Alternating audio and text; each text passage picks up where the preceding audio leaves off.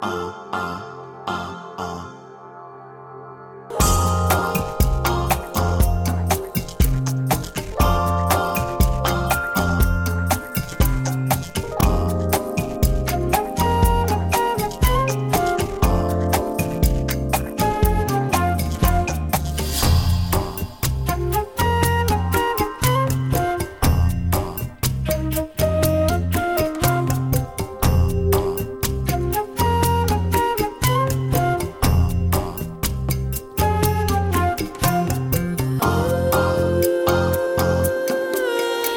Poques coses han canviat a la llista de llibres més venuts. L'altre de Marta Rojals continua sent el llibre més venut en ficció en català, seguit de La terapeuta, de Gaspar Hernández, Dies de frontera de Vicenç Pagès, Faré tot el que tu vulguis, de Yolanda Bataller, Wonder, Eufòria, de Xavier Bosch, El testament de Maria o Els nois de Toni Sala. Pel que fa referència en ficció en castellà, El juego de Ripper, d'Isabel Allende, La verdad sobre el caso Harry Quebert, de Joel Dicker, Legado en los huesos, de Dolores Redondo, porta ja unes quantes setmanes, i apareix la lista de Frederick Forsyth, un dels clàssics de la novel·la eh, d'intriga, o Castle no invita a la lògica d'Enrique Vilamatas, o Puedo soñar contigo, de Plugins, alguns d'aquells que ja us havíem comentat. No sé si havíem comentat, i en uns moments en parlarem amb Rosana Lluc, de la darrera obra d'Enrique Vilamatas, o d'aquest Frederick Forsyth, que s'ha col·locat aquí a la llista de llibres més venuts en castellà. Encara que no ho sembli, s'acosta Sant Jordi. La setmana que ve quedarà un mes, en el fons, per, per Sant Jordi, aquest Sant Jordi que vindrà eh,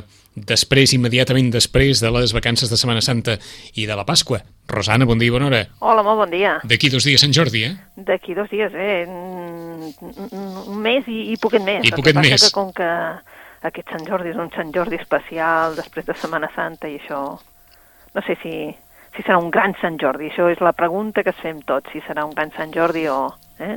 o Home. la gent vindrà massa, massa, allò, Ahà. massa ràpid després de Setmana Santa. eh? Millor que caigui després que no que caigui enmig, eh? Això sí, això sí, molt millor. Tu ho has dit, eh? Veus? Sempre ets positiu, optimista, així m'agrada. Doncs, doncs no, he, no és pas que en sigui de mena, eh? però com que hem parlat d'anys en què eh, les Sí, festes home, han, han coincidit d'una forma, d'una forma molt, molt, molt complicada, Sí, sí, i tot un diumenge de Pasqua. Ah, exacte. Que ha estat... eh, Em sembla que com aquell any cap any, eh? No, cap any, cap any. La veritat és que no, saps? I a més a més aquella etern discussió de si els de comarques realment tindríem un bon Sant Jordi Exacte. i els d'això no, i, els de... I, i llavors és que ningú, perquè quan un està de vacances de Setmana Santa, està de vacances de Setmana Exacte. Santa i ja està. A tot arreu, eh? No serà aquest el cas, el que, com deia la Rosana, viurem la ressaca vacacional de Setmana Santa i a veure si d'alguna manera les butxaques encara estan a punt com per superar Sant Jordi. Ens sembla que algun racó es farà perquè, perquè Sant Jordi mereix un racó o dos racons, però primer ha de passar Setmana Santa, ha de venir la Pasqua i després de la Pasqua eh, Sant Jordi. Havíem parlat de, de la darrera obra d'Enrique Vilamatas o no? No, no n'havíem parlat encara, és una obra molt, molt recent i a més a més una obra que ja veieu que és una obra especial, eh? Càssil no invita a la lògica, és una obra en la que el, va a cavall entre la novel·la i la, saps, i memòria personal, en Mhm. definitiva, és una novel·la especial per a aquest cas, perquè és clar, representa que l'autor, convidat a Càssil, saps, eh, l'únic que li demanen és que s'assegui en un restaurant xinès, mm? i que està a les afores de la ciutat i ell faci el que sap fer, escriure. Eh? De fet, això és una experiència que es veu que és una experiència que s'ha de fer molt llarga i ell va dir que una setmana, que a més tampoc no estava disposat perquè, és clar la gent et passa pel costat, vull dir, saps? Sí. I tu estàs allà com, com un mes, no?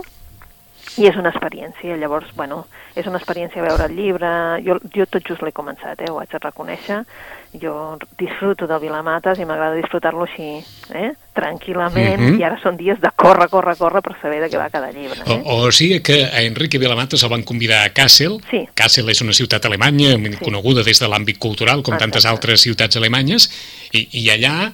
Sí, i allà el van convidar pues, això, no? que estigués a, com un, com un dels autors més, que estigués allà fent el que ell sap fer, escriure, no? Ahà. I, però, esclar, en un, un restaurant xinès i llavors ell el que fa doncs, és mm, sí, eh, donar-nos una visió també de l'art, no? I per tant, la novel·la és mm, per a molt amants de el Vilamates, eh? Doncs estranyament, mm, en el lloc número 5 de, de la llista de vendes, eh? Sí, perquè, clar, mm, clar, si haguessis de fer cas d'això, clar, jo, jo me l'he comprada també. D'acord. La qual cosa, no, no l'he llegida, però sí que me l'he comprada perquè és d'aquelles coses que dius, bueno, ja ha arribat el Vilamates, no? Mhm. I clar, la tinc allà a la pileta, no? No, doncs per, per però tots sí, aquests... crec que sí que també serà una...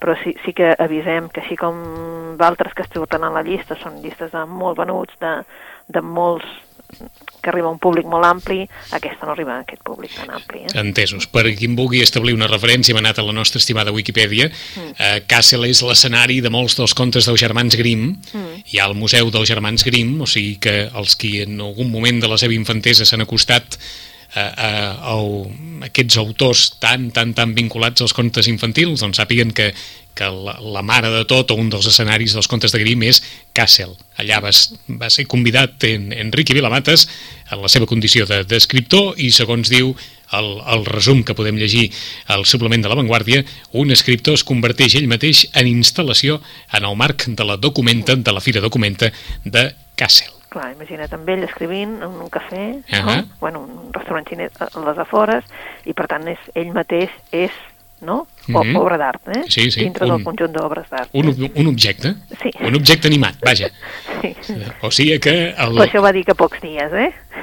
que no ho aguantaria massa, això. No. eh? D'acord. No, eh? Doncs pocs aquest, dies, eh, pocs dies, una experiència de pocs Mhm. dies. Eh? Hem, hem de suposar, eh, Rosana, que Frederick Forsyth ja és un altre registre, Sí, molt més conegut per tothom, com a mínim, sí. eh? sí, però, sí. però també que s'ha incorporat, almenys ho veiem aquí en el número 4, en la llista de, dels més venuts, amb, amb una novel·la que respon a, a, a la clàssica novel·la d'intriga de sempre, eh? Sí, sí, correspon amb això i és el que pretén, saps? Allò que dius, bueno, eh, de fet, eh, és una novel·la que diuen, diuen els entesos que no havia escrit una novel·la tan potent des, de, des, del, des del Chacal. Això ja és molt dir, eh? Però...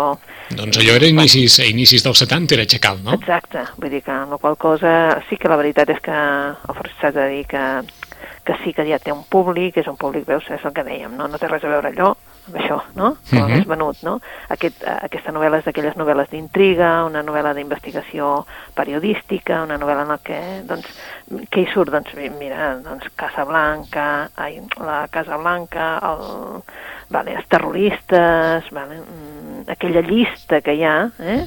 que només té accés al president i unes quantes persones més, perquè, clar, és una llista dels terroristes doncs, més buscats i considerats perillosos, eh? Saps que aquest tema als Estats Units des de, mm, Des de temps des de immemorial. l'11 de setembre, Mhm. vale? doncs és un tema doncs, ja doncs, tot molt, molt intern de cadascú, no? I llavors, clar, és una cosa, saps, com a molt secreta aquesta llista, però a partir d'aquest moment també hi haurà una altra persona que sabrà eh, aquesta llista, que és un predicador. Mm?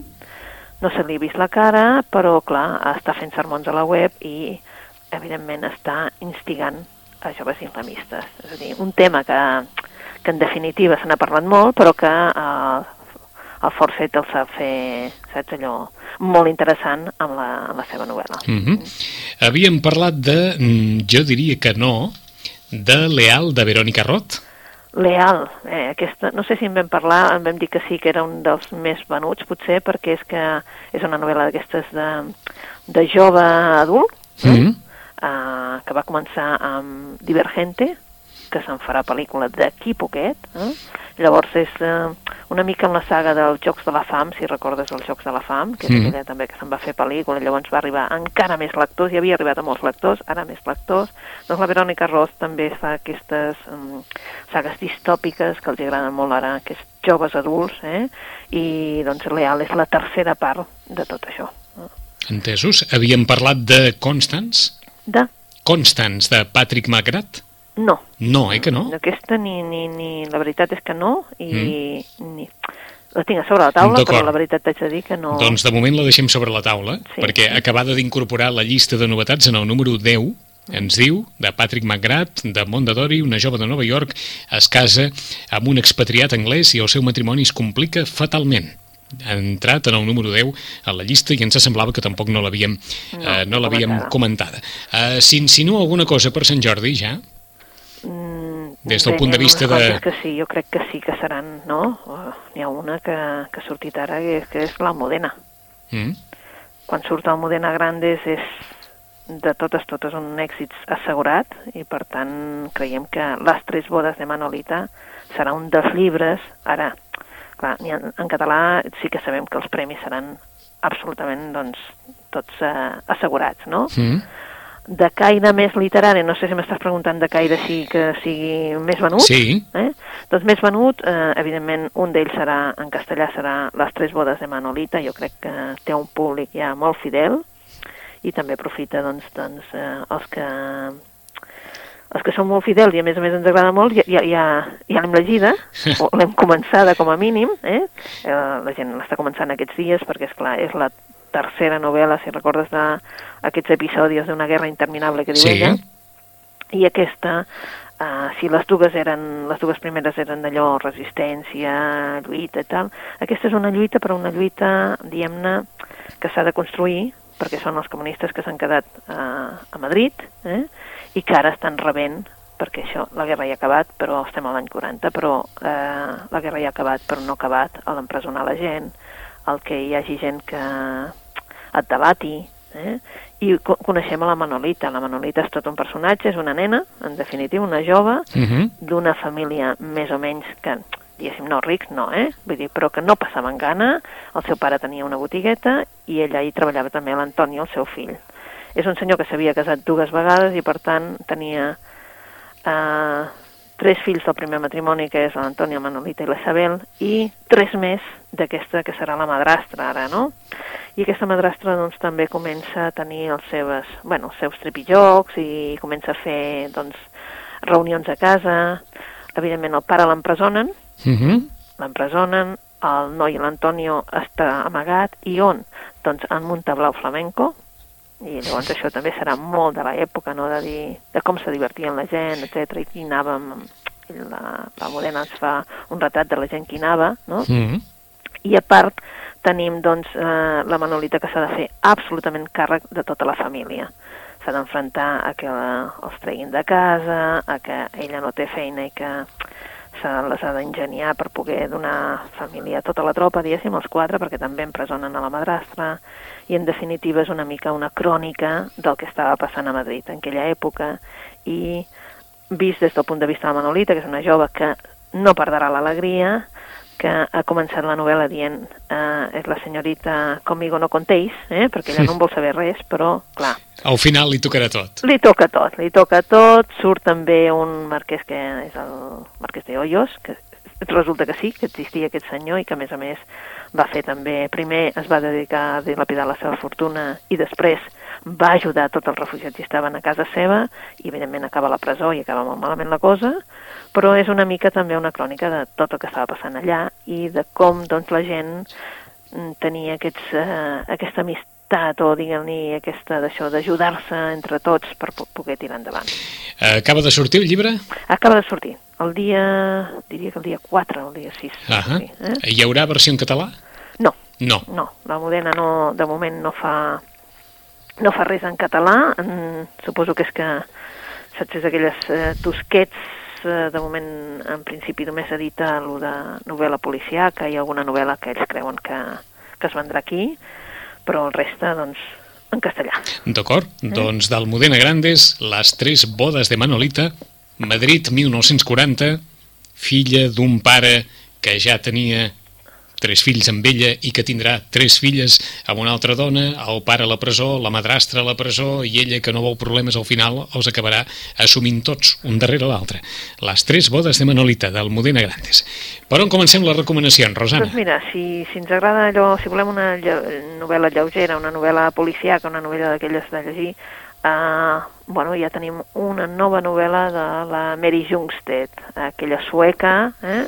Que li agrada tant Barcelona, que a ella li agradaria doncs, viure més a Barcelona, però el que passa és que només hi ve de tant en tant, no? quan la convida a l'editorial, però que ens porta ara, eh, si ens recordeu, eh, aquí eh, ens teníem un inspector, l'inspector eh, Anders Nutas, i ara doncs, són sis amics que van eh, darrere la, les petjades de l'Ingmar Bergman. Eh? Es diu Silenci doble en català, doble silenci en castellà, Uh -huh. i doncs tenim doncs, una sèrie d'amics, que són tres parelles, eh? d'una urbanització molt exclusiva, mm, que bé, el que fan doncs, és compartir doncs, la, la vida quotidiana, no? les sortides, les sopars, el... bé, confidències, però cada any, a més a més, fan un viatge i aquesta vegada eh, volen anar a la illa de Faro, eh? que hi ha un, un festival en honor a, a, l'Ingvar Bergman. Uh, bé, les, les vacances es converteixen en un malson quan, el, quan un d'ells apareix mort en una platja. Eh? I llavors, clar, algú afirma haver vist com algú l'espitjava i clar, el Nutes i, el, i la Karen, que són els dos personatges que ja apareixen en les altres novel·les, doncs uh mhm. -huh. hauran de ser professionals però alhora anar molt al tanto a veure eh, per fer per encarregar-se'n del cas. Eh? Um, hauran també, clar, d'enfrontar-se de que, evidentment, de vegades les relacions amb, uh, amb els amics, eh? una cosa és la cara i l'altra és què hi ha darrere, i de vegades doncs, hi ha gels, de vegades hi ha, no?, perquè de vegades l'amistat tampoc no és allò que mm -hmm. tot tan bonic, eh? O sigui que la novel·la també reflexiona sobre les amistats de debò? Sí, també, perquè, és clar de vegades, doncs, no, aquestes amistats de sortir a sopar i tot bonic i, no?, per molt que no tinguin problemes econòmics i tal, doncs de vegades això no vol dir que no hi hagi darrere, doncs, gels, enveges i tot el que tu vulguis i més. Mm -hmm. Mm. Doncs, eh? de Mary... d'aquelles de, de seure i... -huh i menjar-te-la en una tarda, eh? Això sí. Doncs fàcil de llegir, sí. de Mary Jungstedt, Silenci doble o Doble silenci en versió castellana, aquesta història de sis amics de tres parelles que se'n van de vacances a la recerca de les passes d'Inmar Berman i a l'illa un d'ells apareix mort a la platja i a partir d'aquí es desenvolupa tota una història que posarà a prova l'amistat precisament entre ells. Una novel·la que també té part, a més de d'aquesta part de novel·la negra o policíaca d'intriga, de reflexió sobre les amistats de debò. Per on seguim? Bueno, doncs hem dit un que serà èxit a Sant Jordi. Doncs, pues, bueno, ja tens un nom. Jonas Jonasson, i segur que et sona a un avi, eh? Mm. L'avi de 100 anys que es va escapar per la finestra, sí. era l'autor era el Jonas Jonasson, i treu, ha tret ara, aquests dies, nova novel·la. Eh? En català es diu L'analfabeta que va salvar un país, i en castellà, en comptes de salvar un país, el que fa és que en tenia de números. Eh? um, bé, torna a ser eh, la... Quin títol, eh? eh? Quin títol? Quin títol, eh? L'analfabeta que va salvar un país. L'analfabeta que va salvar un país, eh? Bé, ja, ja ho veus, eh? Vull dir... No, no, per això dic que, que, que llegeixes l'analfabeta que va salvar un país. Vinga. Sí, sí, sí. Eh? I, I la versió castellana has dit? Uh, L'analfabeta que uh, sabia de... Que sabia de, de números. De números sí. No té res a veure una cosa amb l'altra, eh? No, uh, sembla ser que hi ha un tema de, saps, uh, el, el, que era un genio de los números, perdona, uh -huh. era un genio de los números. Uh, sembla ser que hi ha un problema de l'editor a Nord-Amèrica ha posat uh, el mateix títol, que era un geni de, que era un geni de los números. Aquí l'editora doncs, va preguntar a tort i a dret uh, a, a qui sigui, a crítics, llibreters i a tots, a veure què, què ens sonava més, i al final ella va decidir que li agradava més això de que va salvar un país en comptes de que, perquè en definitiva el que passa és que aquesta analfabeta, que és una noia, eh, d'això, que, que nascuda als anys 60 a Soweto, eh, mm. doncs, i resulta que és que ella és una orfa perquè treballa netejant i, bueno, però el que passa és que té un, un insòlid talent per les matemàtiques. Llavors, clar, diguéssim que el títol en castellà va més en, en relació amb el que és ella, no? Uh -huh. que és un geni de les matemàtiques, aquesta noia. O sigui, o sigui que en el fons el títol català és postís, eh? Sí, el que passa que el que passa, eh, al mm. final, és que hi ha un rei eh, d'Europa doncs que, en definitiva, que és que el salva aquesta nena, eh? per dir-ho d'alguna manera. D'acord. Eh? Bueno, és un... Clar, eh, aquesta noia, doncs, bueno, eh, se'n va cap a... Clar, al final arriba a l'edat adulta i, i, i apareix en un camió saps allò que passava en l'avi de 100 anys que es va escapar per la finestra, que passava sí. de tot? I semblava que anava de país en país i, clar, quan havia vingut aquí, resulta que havia conegut el Franco, quan havia no sé què, saps? Eh, doncs és una mica això, una sèrie de d'escenes divertides que li comencen a passar també amb aquesta nena. I, bueno, mm, un dia acaba tancada en un camió de patates en companyia del rei de Suècia eh? i del seu primer ministre. És clar, mmm, Doncs això mm, és el que passen les, eh, que li passen absolutament de tot, eh? Té personatges excèntrics, troba de personatges excèntrics, perillosos, eh, xineses molt imprudents, un americà que és desertor del Vietnam, dos agents del Mossad, mm, mm, bueno, saps allò que dius, què més li pot passar? Doncs això, eh? Però, en definitiva, és una novel·la que el que pretén és fer-nos passar una bona estona, i l'analfabeta que va salvar un país mm, és un dels llibres que apunten que serà també un dels llibres de, de Sant Jordi. Uh -huh. eh. Doncs eh, el, el web La Illa dels Llibres eh, eh, així ho diu, a part que ofereix el primer capítol per si algú vol allò tastar una mica la, mm. la novel·la, la petita Nombeko, és una nena òrfana que treballa netejant latrines, però d'estil i té reservada un altre sort, i és que el seu talent insòlid per a les matemàtiques i la seva curiositat infinita per aprendre la catapulten a l'altra punta del món, on viurà envoltada d'excèntrics i perillosíssims personatges.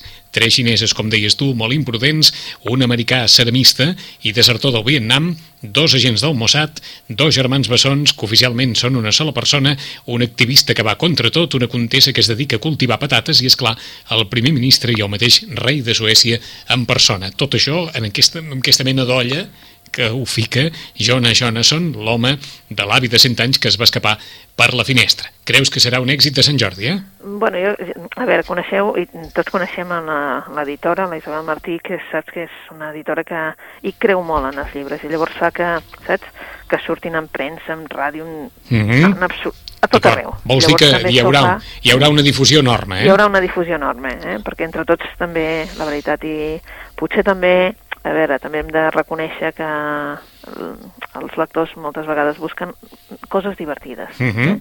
coses que els hi facin passar una estona, però que no els hi, saps, no, no els mereixin gaire cap, no? Està clar. Llavors, no, no, no, no vull res complicat, no vull res complicat, és clar, llavors, doncs, és una mica, doncs, també això. Doncs per qui no vulgui res complicat, l'analfabeta que va salvar un país o l'analfabeta que era un genio de los números. I tenim temps per una recomanació ràpida, Rosana. Doncs, bueno, una ràpida, ràpida seria la última del Benjamin Black, eh? que ja sabeu que, mm, que és el John Banville, i és el pseudònim de John Banville quan eh, fa novel·la negra i, bueno, Faguara li està publicant absolutament tot i, bueno, eh, en 50 el Philip Marlowe és aquell investigador que se sent tan inquiet i sol com sempre i llavors eh, té una clienta, una jove, guapa, d'aquelles elegants, rossa, ho té tot, la Claire Cavendish, que és una és la, és la que heredarà un empori, un empori de perfums. I ella vol que el Marlowe trobi amb un antic amant, un home anomenat Nick, Nick Peterson. A partir d'aquí, en definitiva, una sèrie d'embolics, no?, perquè el Bambi el que fa és una mica doncs, eh, parodiar el Chandler de la manera més resistible, eh, amb un misteri que fa que tu et llegeixis això com si realment estiguessis llegint el Raymond Chandler. Eh? Eh, per això, és que quan has dit Philip Marlowe, sí, dic aquí, sí, aquí, el, aquí hi, ha, hi ha alguna cosa que, que em lliga al passat, eh? Exacte, però és això el que vol, no? I llavors eh, el que fa, el que és curiós és aquests dos registres que té el John Banville, per una banda les novel·les, hm? I això també són novel·les, però és novel·la policial, que llavors, uh -huh. com que no són el registre normal, doncs ell és, aquí és Benjamin Black. Eh? Entesos. Que, que, que, clar, que està parlant de novel·la negra. Eh? La novel·la es titula? La rubia de ojos negros. La rubia de ojos negros. Sí, eh? doncs... I és una novel·la, mm, una més de les del Philip Marlowe, i et dic que, et dic que hi ha un munt de gent que, que segueix el Philip Marlowe aquest, eh? Que és ara, que és El secreto de Christine o L'otro nombre de Laura, uh -huh.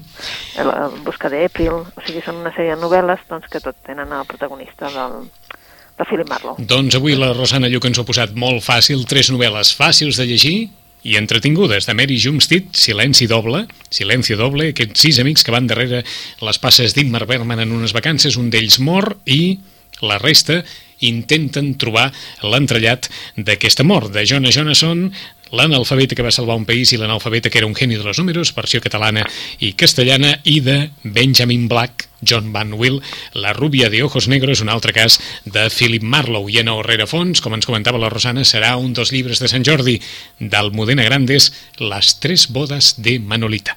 En 15 dies hi tornarem. Rosana, bona lectura. Molt bona lectura amb vosaltres. Adéu-siau.